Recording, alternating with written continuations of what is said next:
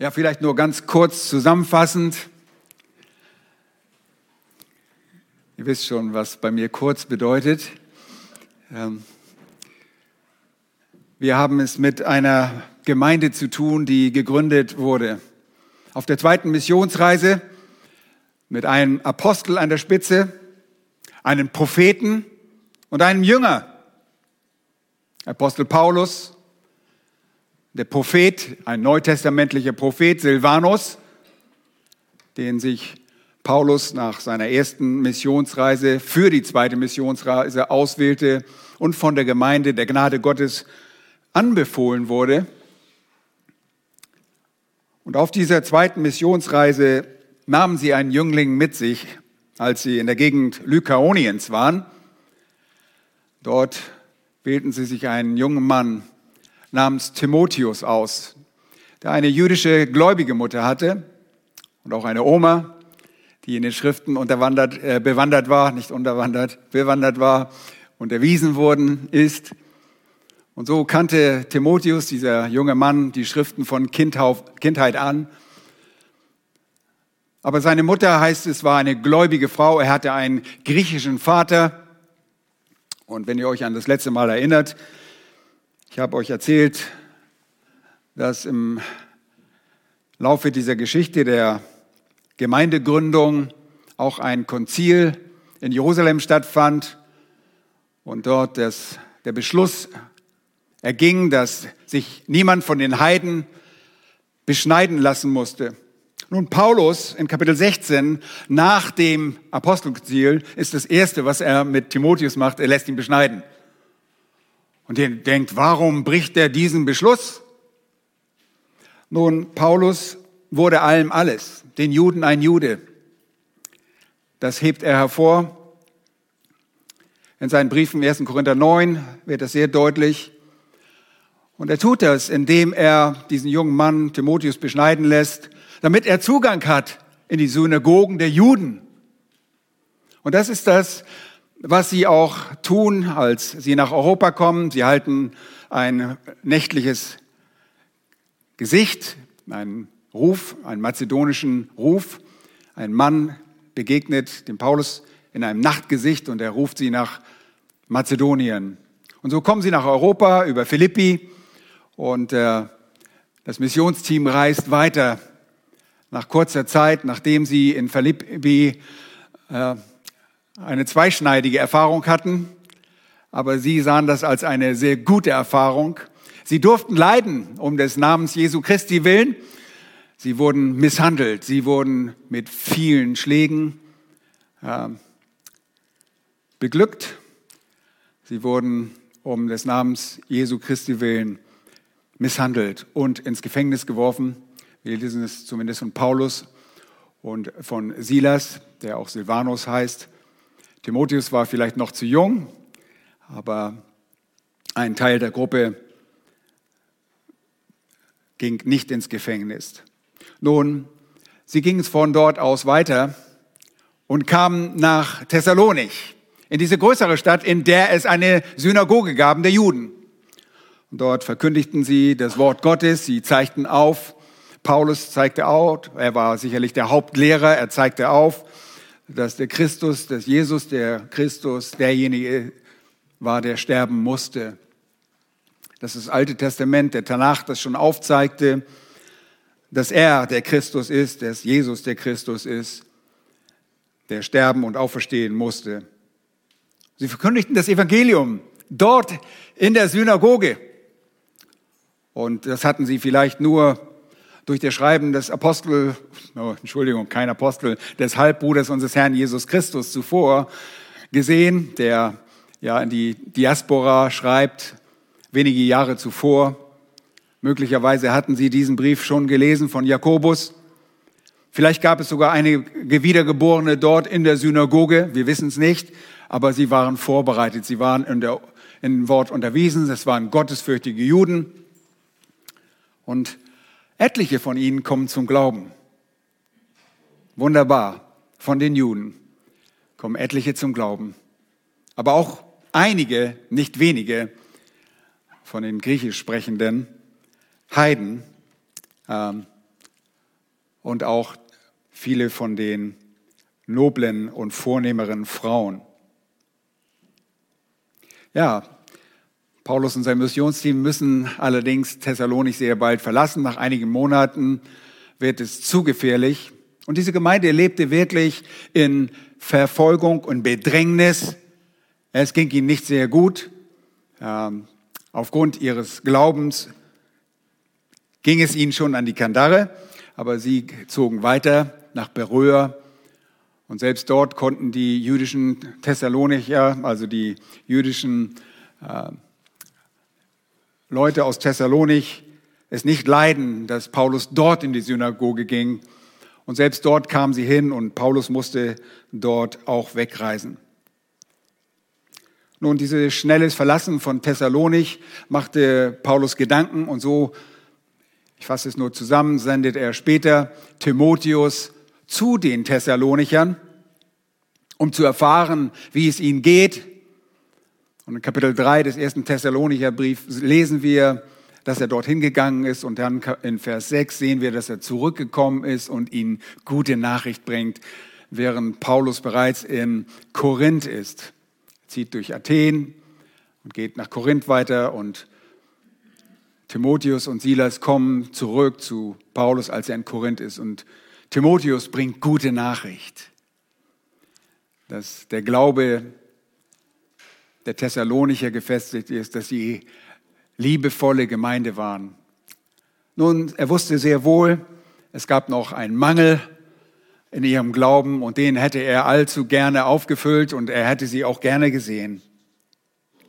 Aber jetzt wollen wir uns dem ersten Kapitel zuwenden und er schreibt diesen Brief vermutlich im Jahr 52 oder 51 vielmehr, 51 nach Christus, während der Zeit, als Gallion Statthalter war in Korinth und in Achaia.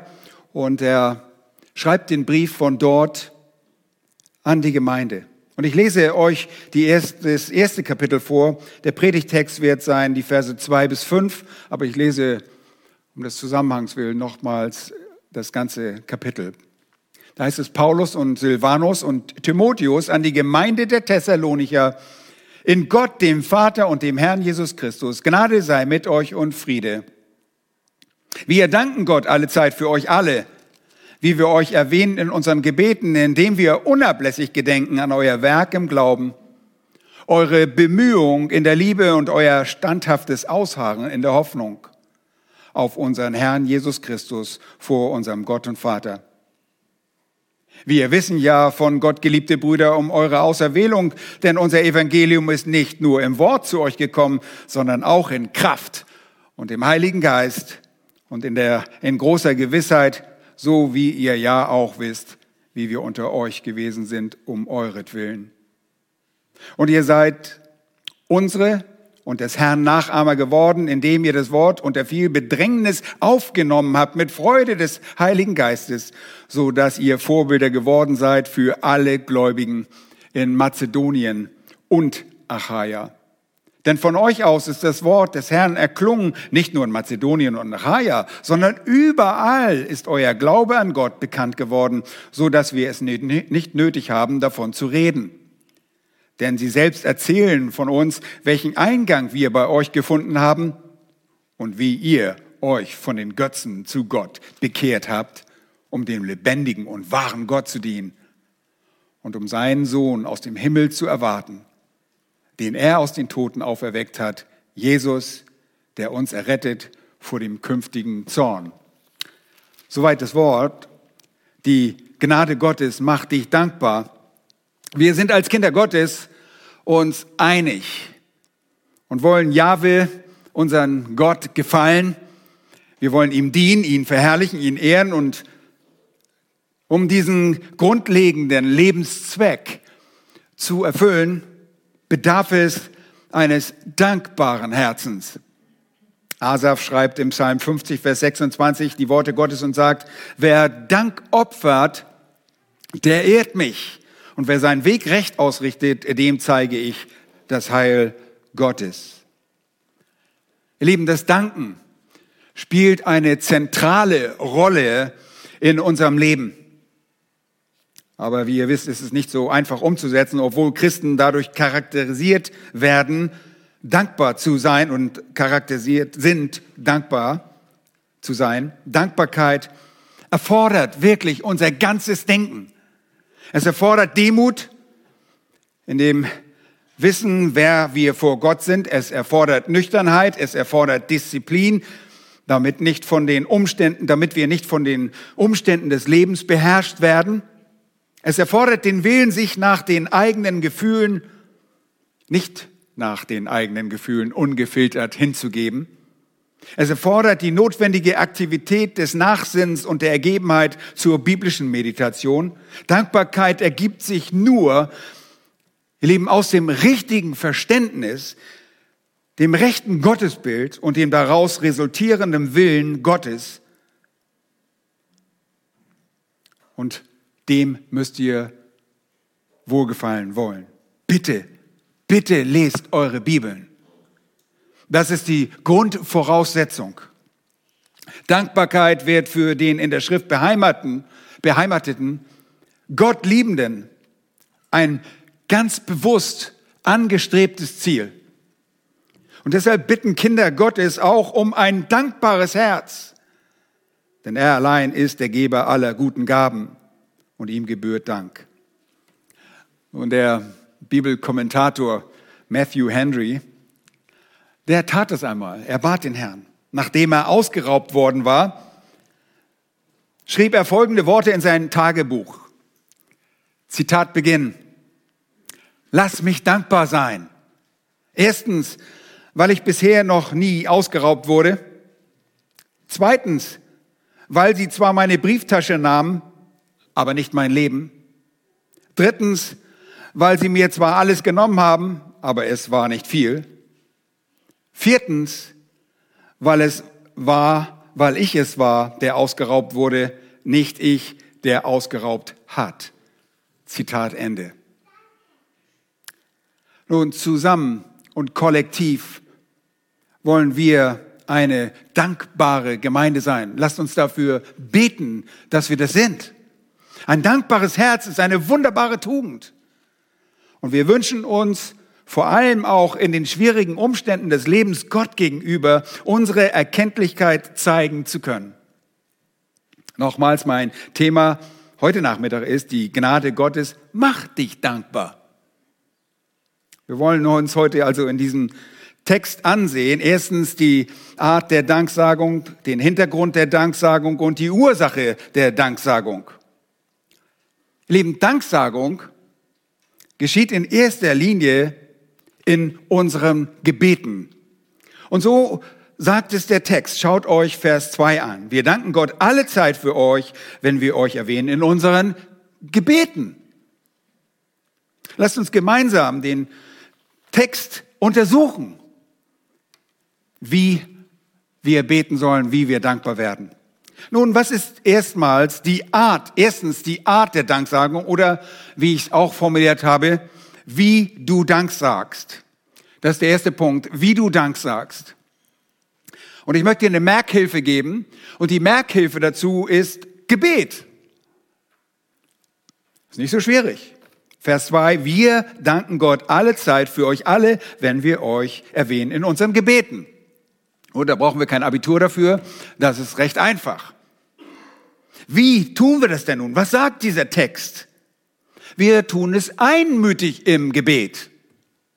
Hier an dieser Stelle und an vielen anderen Stellen in den Bibeln äh, und in den Briefen an die Thessalonicher auch, zeigt uns das Missionsteam, wie es auch in ihren Gebeten absolute Einheit gibt. Sie sind einmütig in der Danksagung vor Gott im Gebet. Sie bringen hier nicht individuell Gott ihre Danksagung, sondern wie durch das im griechischen Verb eingebettete Personalpronomen wir in Vers 2 deutlich wird, gemeinsam mit der unter ihnen gewirkten Einheit. Wir danken Gott. Einheit im Dankgebet und das ist ein Ausdruck der Gemeinschaft des Heiligen Geistes, der uns als Kinder Gottes eint. Und diese Einheit kommt in allen anderen Bereichen des Lebens zum Ausdruck, hier speziell im Gebet der Danksagung. Und dieses Einmütigsein ist Grundlage für die Einheit im Dienst der Gemeindegründung und dem daraus entstehenden Gemeindeleben. Paulus, Silvanus und Timotheus taten das. Keiner dieser Männer kam auf die Idee und schlug irgendein eigenmächtiges Beten vor oder irgendein Handeln vor, das dem Willen Gottes nicht entspricht. Hier ist ein gegenseitiges Einvernehmen im Gebet, der höchste Ausdruck der gottgegebenen Einheit. Und die Gnade Gottes allein bewirkte solche Einheit. Und sie tut es immer noch. Und wir wissen aus eigener Erfahrung, wie wichtig es ist, dass wir uns gemeinsam, und zwar in aller Demut, unter das Wort Gottes beugen müssen. Nur so kann die Gnade Gottes auch durch uns wirksam werden, indem wir als Geschwister einmütig denken und handeln. Nur so werden wir die einst besungene Einmütigkeit des Davids erleben, wenn er im Psalm 133 schreibt, siehe, wie fein und wie lieblich ist's, wenn Brüder in Eintracht beisammen sind. Nun, Dank sei Jahwe für die Wirksamkeit der Einheit schaffenden Gnade in uns. Sie lässt uns einmütig im Gebet vor ihn treten. Und Dankbarkeit ist somit Ausdruck der Einheit. Zweitens, in unserem Text, das ist noch nicht der, der zweite Punkt dieser Predigt, aber der Unterpunkt Nummer zwei ist, wir danken Gott alle Zeit. Ihr Lieben, der berufen, das berufene Missionsteam bedankt sich nicht bei den Thessalonichern. Die Danksagung ist an Gott gerichtet. Und Sie kannten wohl auch Psalm 126, 136, Vers 26, den heutigen Lernvers, den Esther auf Basecamp gepostet hat. Dankt dem Gott des Himmels denn seine Gnade währt ewiglich. Und selbst wenn es angemessenen Dank gegenüber Menschen gibt, so macht uns der Textzusammenhang deutlich, dass nicht den Menschen, nicht einer Gemeinde, sondern Gott allein die Ehre und die Danksagung gebührt. Im zweiten Brief an die Thessalonicher, der nur wenige Monate später geschrieben wurde, sagen die Gewährsmänner dieser Gnade Gottes, in noch deutlicher Art und Weise in Kapitel 1, Vers 3 folgendes. Wir sind es Gott schuldig, alle Zeit für euch zu danken, Brüder, wie es sich auch geziemt. Danksagung Gott gegenüber ist die rechte Ausrichtung. Wir sind Gott Dank schuldig und das ist angemessen. Paulus bringt diese Wahrheit unter anderem auch im Brief an die Römer zum Ausdruck, als er dort in Kapitel 1, Vers 8 schreibt, zuerst danke ich meinem Gott durch Jesus Christus um euer aller Willen. Wenig später in Römer 6, Vers 17 sagt er, Gott aber sei Dank, dass ihr Sklaven der Sünde gewesen und nun aber von Herzen gehorsam geworden seid, dem Vorbild der Lehre, das euch überliefert worden ist.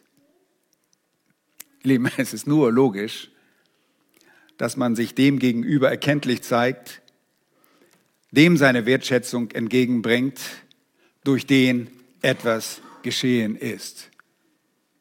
Und das, was bei den Thessalonichern geschah und das, was bei uns im geistlichen Leben geschieht, kommt und das kam ohne jeden Zweifel nur durch das gnädige Eingreifen Gottes und deshalb wurde Gott auch Dank dargebracht. Nun, ich frage dich, ist dein Dank in erster Linie Gott ausgerichtet? Auf Gott ausgerichtet? Hat Gottes Gnade diese Ausrichtung in dir bewirkt? Wir wollen ihm gegenüber uns kenntlich zeigen. Ihm für alles Dank sagen, auch als Gemeinde.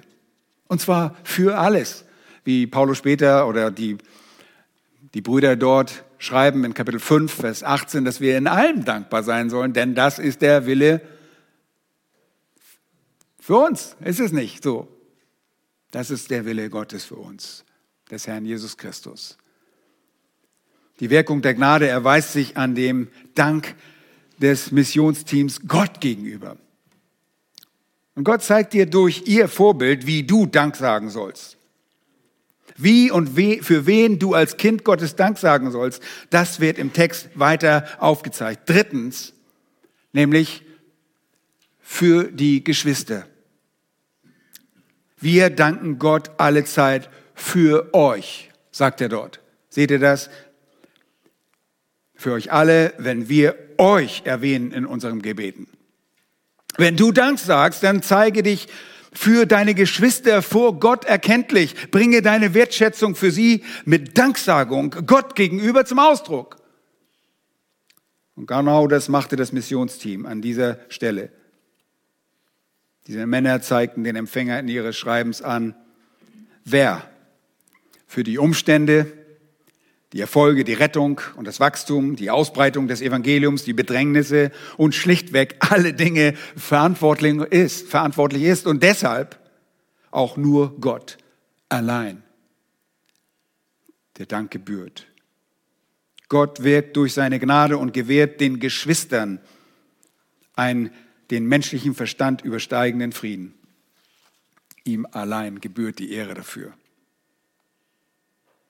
Sein Werk ist an den Geschwistern.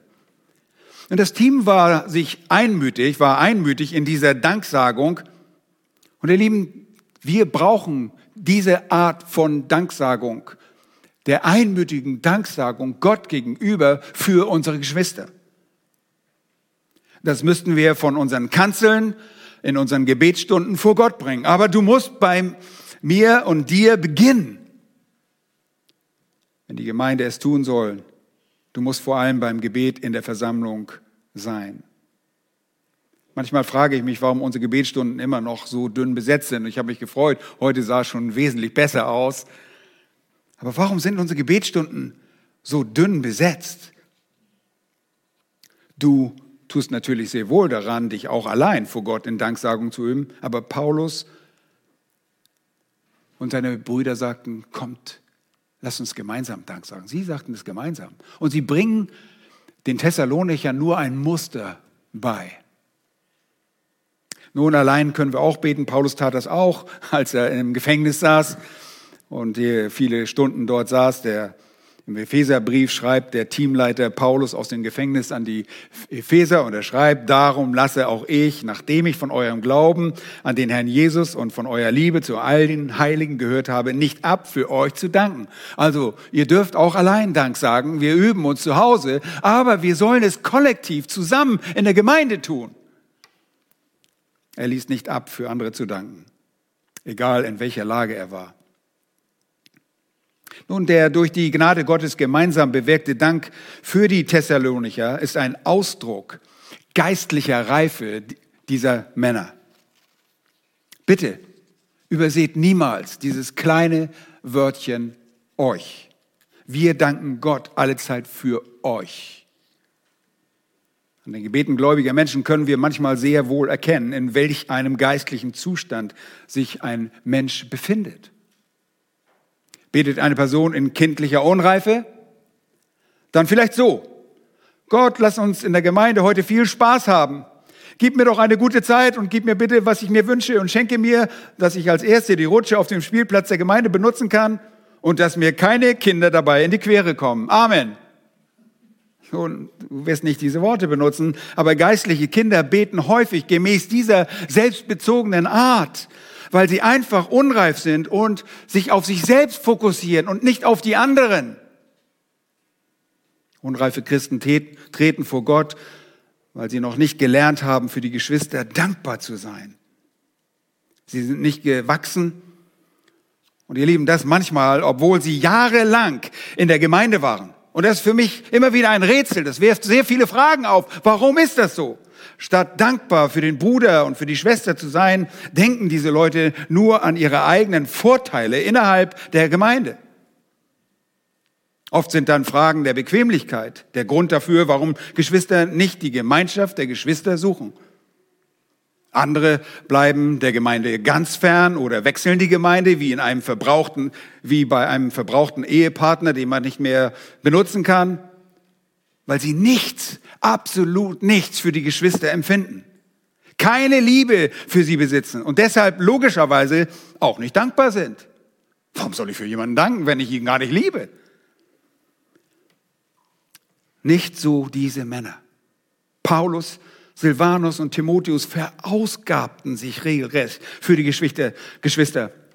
Nochmals, sie kamen schon nach schweren Misshandlungen, die sie in Philippi erlitten, wundgeschlagen zu den Thessalonichern und gaben nicht auf. Und ich weiß nicht, warum Lukas dort in Philippi blieb. Wir wissen nichts über seinen Verbleib. In der Apostelgeschichte endet dort die oder ist die Wir-Passage unterbrochen. Aber Paulus und die Brüder brauchten einen Leibarzt. Zuvor schon hatten sie Paulus gesteinigt. Und das war nicht das erste Mal. Aber die, diese Männer gaben nicht auf. Nur noch einmal zu einem besseren Verständnis. Meistens kennen die gerade erwähnten Personen den Herrn natürlich nicht einmal. Viele Leute in der Gemeinde sind für eine Weile religiös dabei, aber nicht wiedergeboren. Sie leben ein Leben in geistlicher Selbsttäuschung. Erinnert ihr euch an den betenden Pharisäer im Tempel? Ihr Lieben, der dankte sogar. Wow, Punkt für ihn. Also einen Punkt müssen wir schon mal gut schreiben. Er sagte Dank. Oh ja, das tat er. Aber die Frage, wie er das tat. Wir lesen, der Pharisäer stellte sich hin und betete bei sich selbst und sagte, oh Gott, ich danke dir. Und jetzt kam das, was wir nicht so gerne lesen, dass ich nicht bin wie die übrigen Menschen, Räuber, ungerechte Ehebrecher oder auch wie dieser Zöllner da, der neben ihm stand. Ich faste zweimal in der Woche. Oh, tolle religiöse Übung. Und gebe den Zehnten von allem, was ich einnehme. Lukas 18, 11 und 12 selbstgerecht, selbstbezogen und ohne angemessene Einsicht und Demut sich mit anderen Menschen und deren Handlung vergleichen, zeigte dieser Mann sein wahres Innenleben. Er war geistlich tot. Nun, geistlich unreife Geschwister offenbaren manchmal die gleichen Tendenzen in ihrem Denken, vergleichen Menschen und Gemeinden miteinander und sind dazu geneigt, sich dann für das beste Erscheinende vom Kuchen für sich selbst abzuschneiden. Undankbar und ohne Liebe für Gott und die Geschwister, die sie dann sogar manchmal verlassen, obwohl sie zuvor noch mit ihnen angeblich einmütig miteinander waren, sogar miteinander beteten, leben sie in einer sündigen Selbsttäuschung. Bei diesem Missionsteam war das nicht so. Es bestand aus geistlichen Leitern der göttlichen Wahl. Sie waren berufene, bewährte und sie hatten einen entsprechend guten Ruf. Sie lebten mit Gott und waren aufgrund ihrer Reife auf das Wohl der anderen bedacht. Sie hatten gelernt, von sich selbst wegzusehen. Sie hatten gelernt, auf die Nöte der anderen zu blicken. Sie suchten nicht das ihre. Lieben diese Leute, diese geistlichen Männer, Sie konnten sich mit anderen freuen und sie brachten diese Freude im Gebet zum Ausdruck durch Dank Gott gegenüber. Sie wussten, dass die offensichtlichen Veränderungen im Leben der Thessalonicher nur von einem kommen konnten, das war Gott. Deshalb kam der angemessene Dank für diese Menschen. Oh, solche treuen Menschen wie Paulus, Silvanus und Timotheus sind extrem selten. Extrem selten. Paulus schreibt den Philippern ungefähr zehn Jahre später folgende Worte. Ich hoffe aber, in dem Herrn Jesus Timotheus bald zu euch zu senden. Paulus ist in der ersten Gefangenschaft in Rom. Und er möchte Timotheus senden, damit auch ich guten Mutes sei, wenn ich eure Umstände kenne. Paulus machte sich dort im Gefängnis Sorgen um diese Philipper und er wollte Timotheus senden. Und dann sagt er in Vers 20 dort in diesem Kapitel, ich glaube, vier ist es, zwei, ja. Denn ich habe kein Gleichgesinnten. Ich habe keinen Gleichgesinnten, der von Herzen für das Eure besorgt sein wird. Denn alle suchen das Ihre, nicht das, was Jesu Christi ist. Wow. Welch gutes Zeugnis von diesem gleichgesinnten Timotheus, welch traurige Wahrheit über die Ausrüstung der übrigen, oder? Nur Timotheus. Nur wenn wir beginnen, füreinander unablässig zu danken und anfangen, nicht unsere eigenen Vorteile zu suchen, sondern die des anderen, dann wachsen echte und gute Beziehungen. Unsere Beziehungen scheinen mir oft manchmal sehr oberflächlich zu sein. Und ich meine damit nicht, weil wir nicht miteinander im Kaffeekranz sitzen oder zusammen plaudern, weil es zu Hause einfach langweilig ist und weil wir einen Geburtstag zusammen genießen, auch wenn das sehr schön ist. Unsere Gemeinschaft als Kinder Gottes ist im Wort. Und unser Zusammenhalt ist im Heiligen Geist. Und das bringt uns dazu, füreinander zu beten und zu danken, sodass wir uns mit den Freuenden freuen und den Weinenden weinen. Dank für andere ist Ausdruck der geistlichen Reife. Nun seht einmal, wie umfänglich die Gnade Gottes in dem Dank der Missionare war. Danksagen geschah bei ihnen einmütig. Es geschah vor Gott im Gebet, für Geschwister und das für alle. Schaut mal, das kleine Wort. Und das alle spricht von einem Gebet der Danksagen ohne Ansehen der Person ohne Ansehen der Person. Da heißt es, wir danken Gott alle Zeit für euch. Alle. Der durch die Gnade Gottes bewirkte Dank für die Thessalonicher geschah ohne Parteilichkeit. Achtet bitte auf das kleine Wortchen immer, alle, alle. Gemeint sind damit sämtliche Kinder Gottes in Thessalonik, die ganze Gemeinde, die Gewährsmänner der Gnade Gottes danken für die jüdischen Christen. Sie danken für die Menge der gottesfürchtigen Griechen. Sie danken alle Zeit für alle. Und sie danken auch für die ja, vornehmsten Frauen, von denen nicht wenige zu der Gemeinde hinzugetan wurden. Und wenn es denn so war, dann dankten diese Männer ebenso für die einfacheren Menschen aus den untersten Schichten ihrer Gesellschaft. Denn die Gemeinde Jesu bestand und ihr Leben besteht auch heute in der Regel nicht aus vielen noblen Menschen einer Gesellschaft, sondern wie Paulus den Korinthern schreibt, das Törichte der Welt hat Gott erwählt um die Weisen zu Schanden zu machen. Und das Schwache der Welt hat Gott erwählt, um das Starke zu Schanden zu machen. Und das Unedle der Welt und das Verachtete hat Gott erwählt. Und das, was nichts ist, damit er zunichte mache, was etwas ist, damit sich vor ihm kein Fleisch rühme. 1. Korinther 1, 25 bis 28 sagt Dank für alle. Wenn ihr euch in euren Gebeten Gott gegenüber erkenntlich zeigt und als dankbar erweist, dann tut das für alle, selbst wenn eine Person dir keine persönlichen Vorteile verschafft und deine Beziehung zu dieser Person dich nicht zu irgendeiner Berühmtheit führt. Oh, wie leicht ist es, irgendwelche Dinge zu tun, wo ich völlig im Mittelpunkt stehe. Oh, ich bin total populär. Aber wie ist es denn mal einer Person zu dienen, die sonst nicht beachtet wird? Das ist Dienst. Daniel hat es schon erwähnt, Dienste sind nicht nur die formellen Dienste in einer Gemeinde. Dass wir sagen, du bist der Türsteher und du äh, gibst Traktate aus, sondern du rufst deine Geschwister ein. Du liest ihnen was vor, wenn sie nicht lesen können oder wenn sie blind sind oder was auch immer. Du ringst danach, deinen Geschwistern zu dienen. Nun, erst dann, wenn du für alle betest, und du begriffen hast, wie wichtig jedes Glied am Leib Jesu Christi ist, erst dann ist die Gnade in dir vollkommen wirksam geworden.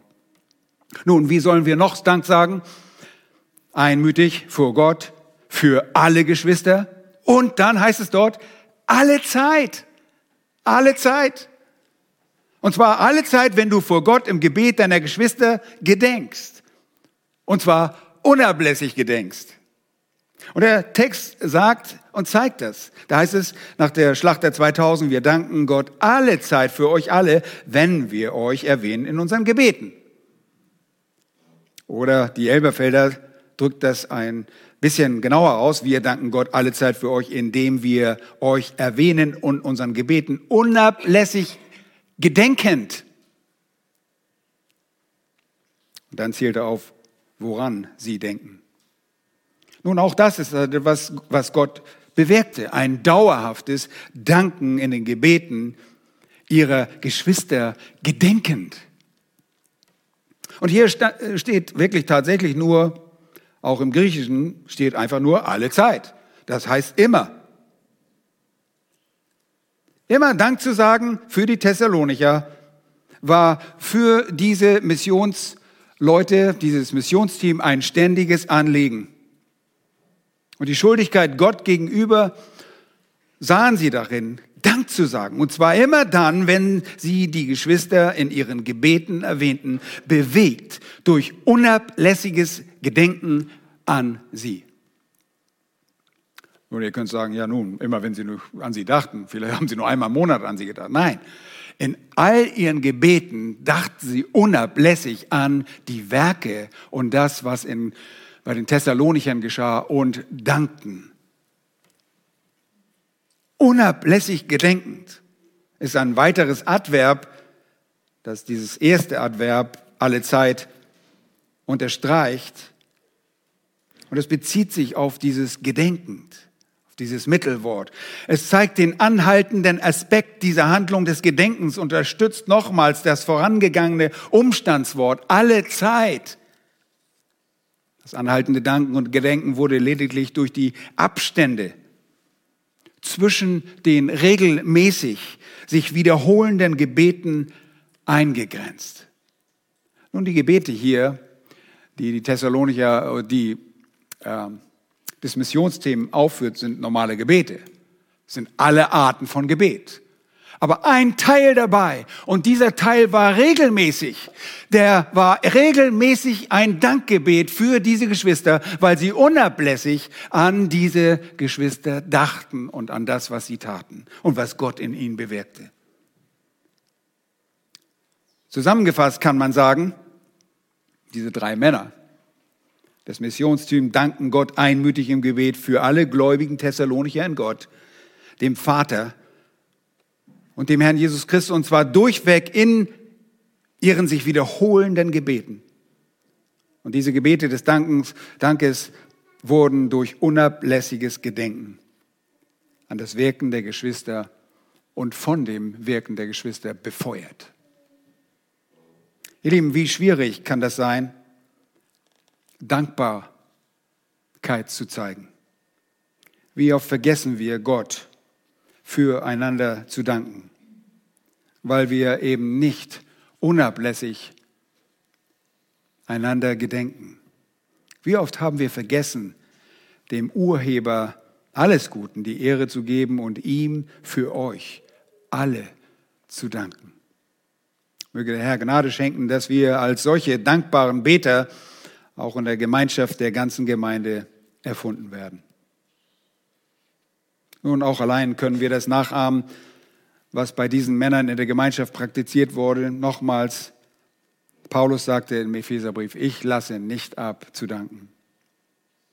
Und bei den Ephesern hörte Paulus, was los war. Im Gefängnis hörte er davon, als er im Rom saß in der ersten Gefangenschaft. Und deshalb ließ er nicht ab, für sie zu danken. Aber so war es sicherlich bei den übrigen Männern vom Missionstün auch. Und sie sagten Dank, nicht nur, weil sie von ihrem Glauben und ihrer Liebe hörten, nachdem Timotheus zu ihnen kam, sondern aufgrund der Erinnerung, die sie hatten. Seht ihr, sie waren ja noch gar nicht mal so lange weg. Vielleicht liegen ein paar wenige Monate dazwischen, als dieser erste Brief dann aus Korinth geschrieben wird. Sie traten einmütig vor Gott, dankten ihrem Gott alle Zeit und einmütig für alle. Nun, es ist wichtig, dass wir Gott für die erwiesene Gnade danken. Wo sehen wir die? Wir sehen sie im Leben der Geschwister. Und jetzt kommen wir zu, zweitens zu dem Hintergrund der Danksagung oder zweitens, wofür du Dank sagst. Die Merkhilfe ist Erinnerung. Auch nicht zu schwierig, kann man auch mit Grundschulausbildung sich merken. Wofür du Dank sagst. Merkhilfe, Erinnerung. Der Vers 3 sagt, dass die Gebete wie geschahen? Schaut mal, indem wir unablässig gedenkend oder gedenken. Deshalb, das, das ist ein Partizip gedenkend, unablässig gedenken. So, dank, so brachten sie Dank. Unablässig gedenkend an euer Werk im Glauben und eure Bemühung in der Liebe und euer standhaftes Ausharren in der Hoffnung auf unseren Herrn Jesus Christus vor Gott, unserem, vor äh, unserem Gott und Vater. Nun, wenn du im Gebet Dank sagst, dann vor Gott, nämlich dem Vater, und zwar unablässig Gedenken des Werkes des Glaubens und der Bemühung, der Liebe und des Ausharrens, der Hoffnung auf unseren Herrn Jesus Christus. Wenn du unablässig gedenkst, dann wird dein Gebet gefördert dann betest du spezifisch und auch schriftgemäß. Und die Schreiber führen ein, uns nicht unbekanntes Dreigestirn oder eine Trias, einige sagen auch Triade, drei Punkte, eine Dreiheit, wie man sie auch nennt, eine drei Wesensbestandteile, die das Leben eines jeden Gotteskindes und der Gemeinde ausmachen. Was ist diese Trias? Glaube, Liebe, Hoffnung. Und das seht ihr auch in Kapitel 5, Vers 8. Da schreiben sie, wir aber, die wir dem Tag angehören, wollen nüchtern sein, angetan mit dem Brustpanzer des Glaubens und der Liebe und mit dem Helm der Hoffnung auf das Heil. Hier sehen wir eine besondere Wirkung, eine schützende Wirkung, die religiöse Menschen nicht besitzen, wenn sie nicht wiedergeboren sind. Nun, wir kennen diese Trias von Paulus aus anderen Stellen der Schrift. Ihr erinnert euch sicherlich an 1. Korinther 13. Du Glauben, Glaube, Hoffnung, Liebe, aber die Liebe ist die größte unter ihnen. Wir kennen das aus dem Galaterbrief. Wir kennen das aus dem Brief an die Kolosser.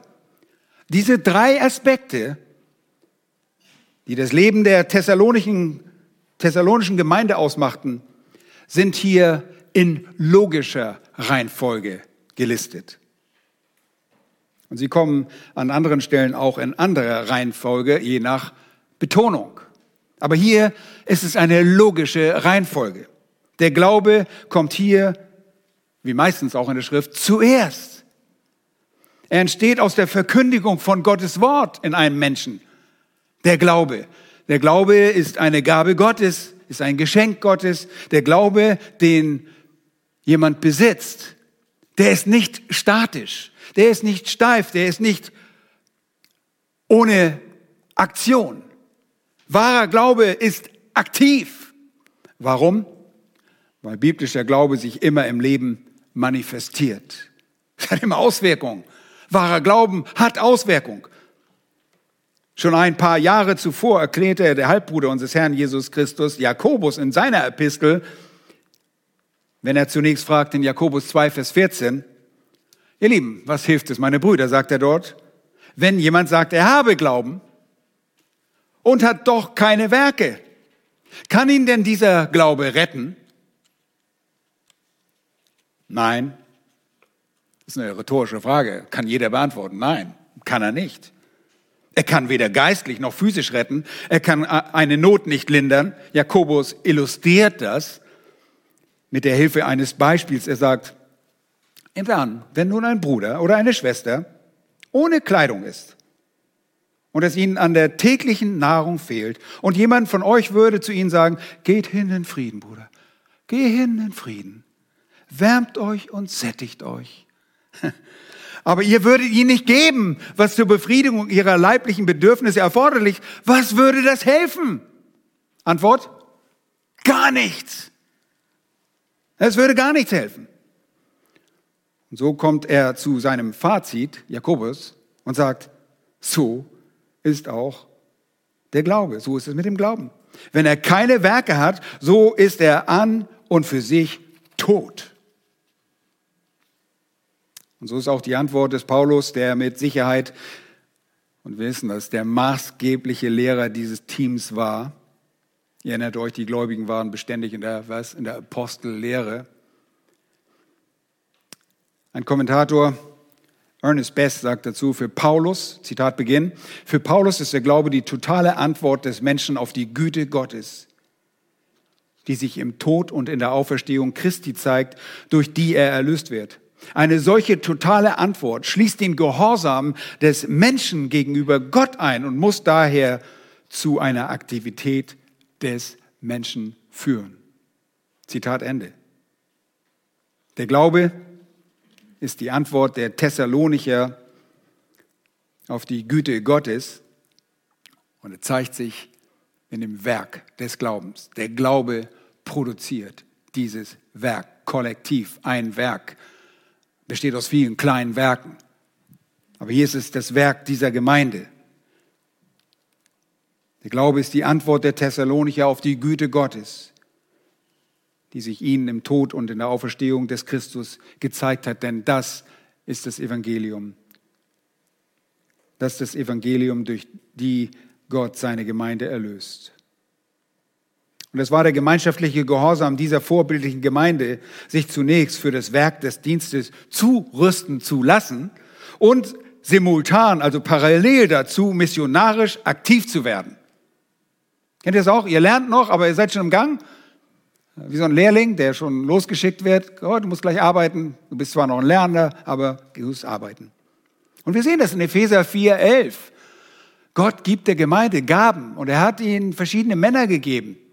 Allen voraus Apostel und Propheten und Evangelisten. Wozu?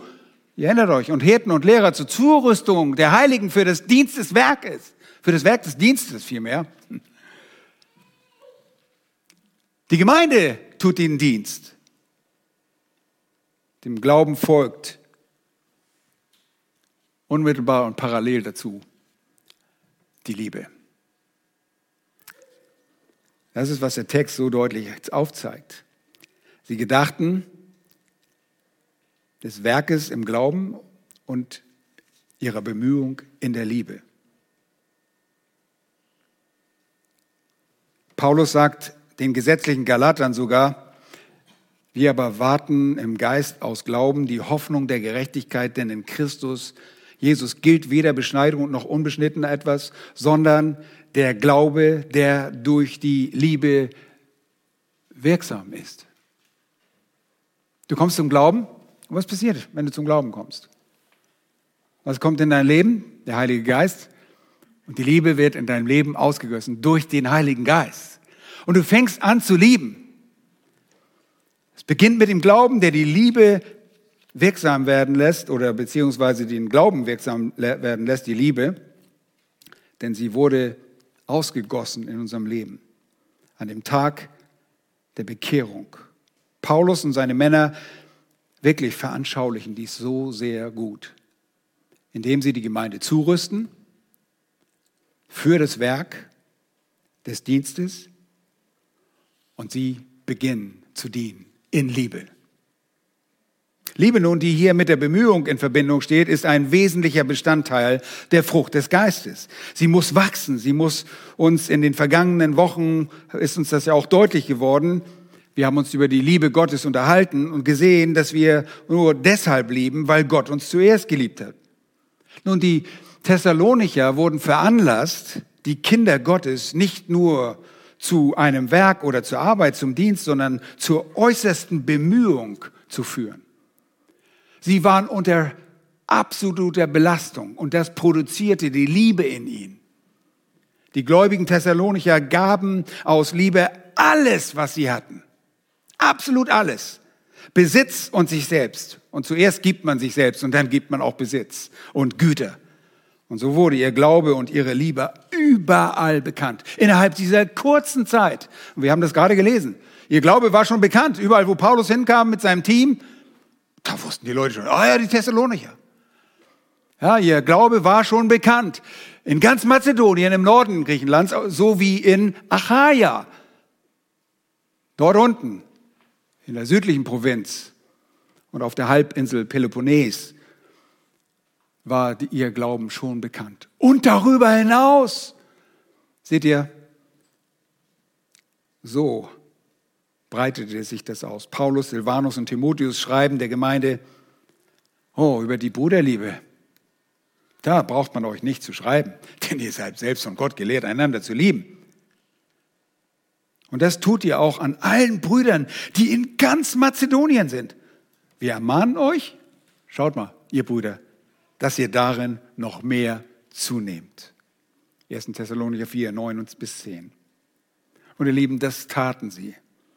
Sie lebten in puncto Liebe wirklich zu. Absolut. Und es ist nachvollziehbar in der Schrift, wie sie das taten. Sie wurden Vorbild für andere Gläubige in Achaia und darüber hinaus. Etwa viereinhalb Jahre später, als Paulus den zweiten Korintherbrief schreibt, erwähnt er die Gemeinden Mazedoniens, zu welchen sie natürlich gehörten. Sie waren im westlichen Teil Mazedoniens. Und er erwähnt sie auf folgende Weise in 2. Korinther Kapitel 8. Da sagt er, wir wollen euch aber, Brüder, und er schreibt zu den Korinthern, und wir wollen von, von was berichten? Von der Gnade Gottes.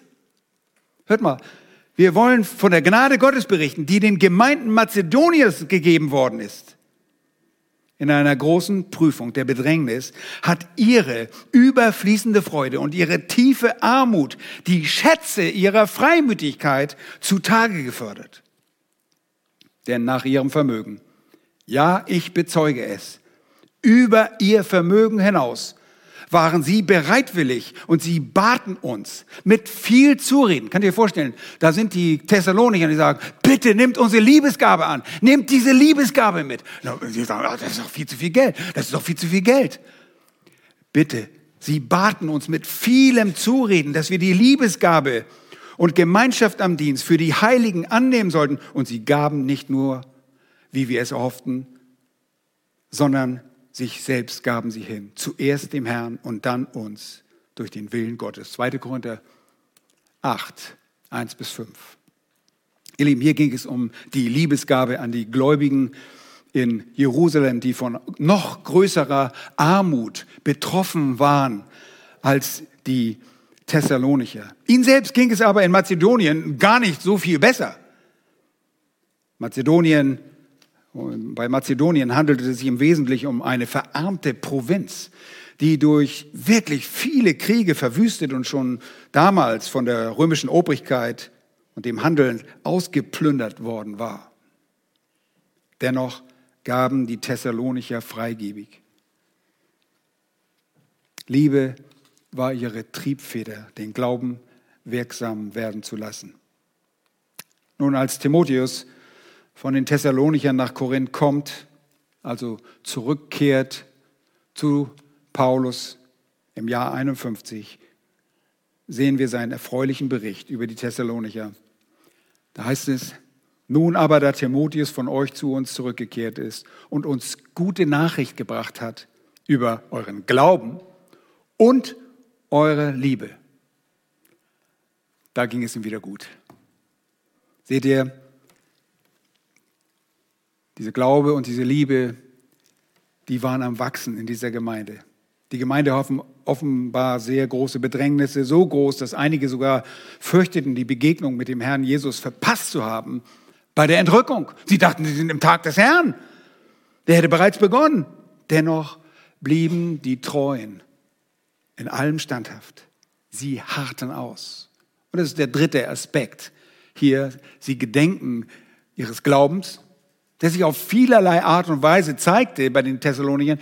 Sie dachten nach, sie gedachten der Liebe und sie gedachten an das standhafte Ausharren der Hoffnung. Die Hoffnung, die sie hatten, war das, was sie dazu befähigte, standhaft auszuharren in allen Schwierigkeiten. Welche Hoffnung besaßen sie? Etwa, dass die Bedrängnisse durch den politischen Einfluss der Römer bald ein Ende finden möge? Oder etwa, dass sie als aufrichtigen Kinder Gottes von dem Schmerz einer ungerechten Welt und ihren Bedrängnissen beim nächsten Besuch des Apostels durch seine überirdischen Kräfte freigebetet werden würde? Glaubten Sie das? Nein, natürlich nicht. Torheit beiseite. Schaut bitte den Text an. Hier heißt es, wir gedachten unablässig euer Werk im Glauben, euer Bemühung in der Liebe und euer standhaftes Aussagen in der Hoffnung auf unseren Herrn Jesus Christus vor unserem Gott und Vater. Das bezieht sich auf das Gebet. Sie brachten dieses Gebet, dieses Dankgebet vor Gott, dem Vater. Aber sie hatten Hoffnung auf Jesus Christus gesetzt. wisst ihr, was die Hoffnung war? Das Erbe des Reiches und die Herrlichkeit, die sie sehen würden. Die Errettung von der Schuld, das ewige Leben, die Gemeinschaft mit unserem lebendigen Gott. Die Hoffnung besaß, bestand auf der Tatsache, dass sie die Herrlichkeit sehen würden. Wir haben heute Morgen schon von dieser Herrlichkeit gelesen in dem Psalm. Und diese Herrlichkeit wird eines Tages die ganze Erde erfüllen. Die ist noch nicht da, aber diese Herrlichkeit wird auf dieser ganzen Erde sein, wenn Jesus, der herrliche Gott, der Messias, das Friedensreich aufbaut wir werden diese Herrlichkeit erleben. Wir werden in seinem Reich sein. Wir sind Erben seines Reiches. Wir Lieben, wir sollen dem nachfolgen. Wir denken an euer Werk und eure Arbeit und eure Geduld. Und wir danken dem Herrn, dass ihr so seid. Und ich denke, hier ist ein guter Punkt aufzuhören, sonst werde ich hier noch vorne abgeschossen. Aus Liebe. Geschwister, eins ist wichtig. Das Evangelium wurde überall verkündigt. Was ist das Evangelium? Es ist, dass Jesus Christus kam, der Gerechte. Er wurde überall verkündigt. Es ging um Jesus. Es ging nicht um den Vater in erster Linie, es ging nicht um den Heiligen Geist in erster Linie, es ging um Jesus Christus. Er kam und starb, um stellvertretend für die Sünder zu sterben. Er kam, um Menschen zu erlösen. Die gute Nachricht ist, aus Glauben und aus Gnade allein kannst du in die Gemeinschaft des ewigen Gottes kommen. Wenn die Sünde ausgeräumt wird, weil du dich dem lebendigen Gott ergibst.